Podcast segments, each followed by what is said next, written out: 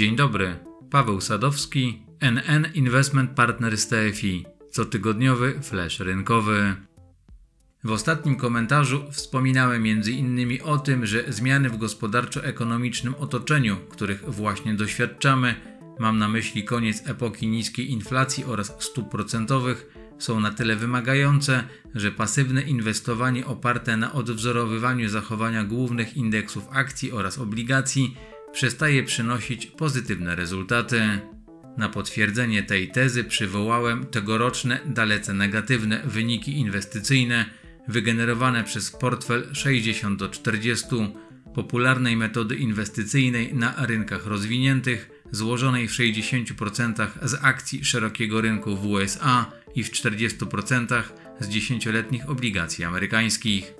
Natomiast jako przykład produktów, które mogą być skutecznym panaceum na negatywne zachowanie podstawowych instrumentów rynku finansowego, podałem strategie alternatywne, które dzięki wszechstronnemu podejściu inwestycyjnemu mogą być nisko lub odwrotnie skorelowane z zachowaniem tradycyjnych aktywów.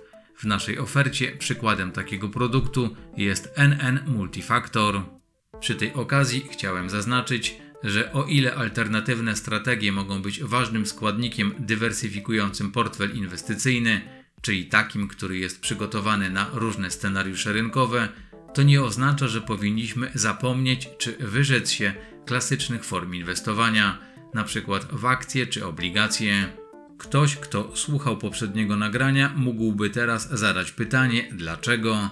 Przecież w zeszłym tygodniu mówiłem, że do tegorocznego wyniku wspomnianego portfela 60 do 40 negatywnie kontrybuowały niemalże w równych proporcjach zarówno akcje, jak i obligacje.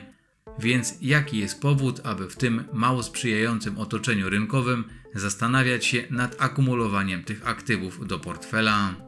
Po pierwsze, wyceny nie wszystkich akcji czy obligacji reagują tak samo na zmiany zachodzące w gospodarczo-finansowym środowisku.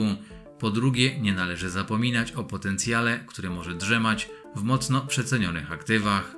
Dla przykładu, otoczenie rosnących stóp procentowych powinno dalej wspierać rotację kapitału ze spółek growth do value. Z uwagi na agresywny model wzrostu biznesu, który w dużym uproszczeniu oparty jest na kredycie, to spółki growth są zwykle szczególnie wrażliwe na zaostrzenie polityki pieniężnej. Najbardziej znanym reprezentantem tego sektora jest szeroko pojęta branża technologiczna. Od 2020 roku już dwukrotnie byliśmy świadkami próby korekty w długoterminowym trendzie lepszego zachowania wycen globalnych spółek wzrostowych w relacji do spółek wartościowych.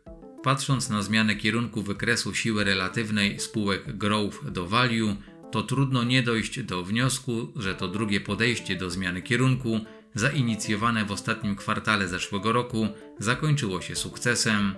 Widać to również w wynikach funduszy inwestycyjnych, w których portfelach znajdują się właśnie spółki wartościowe, czyli firmy o ugruntowanej pozycji, które przynoszą regularne zyski oraz mają większą skłonność do dzielenia się z akcjonariuszami zyskiem w postaci dywidendy. Przy tej okazji warto dodać, że spółki value to głównie firmy z branż defensywnych, a nie cyklicznych. Wyniki generowane przez najlepsze produkty inwestycyjne z tej grupy wyróżniają się pozytywnie zarówno na tle średniej, jak również w zestawieniu z głównymi indeksami akcji, które w tym roku doświadczyły znacznych przecen. W naszej ofercie funduszem, który inwestuje w akcje spółek notowanych na światowych giełdach, które charakteryzują się ponad przeciętnym poziomem wypłacanych dywidend, jest NN globalny spółek dywidendowych.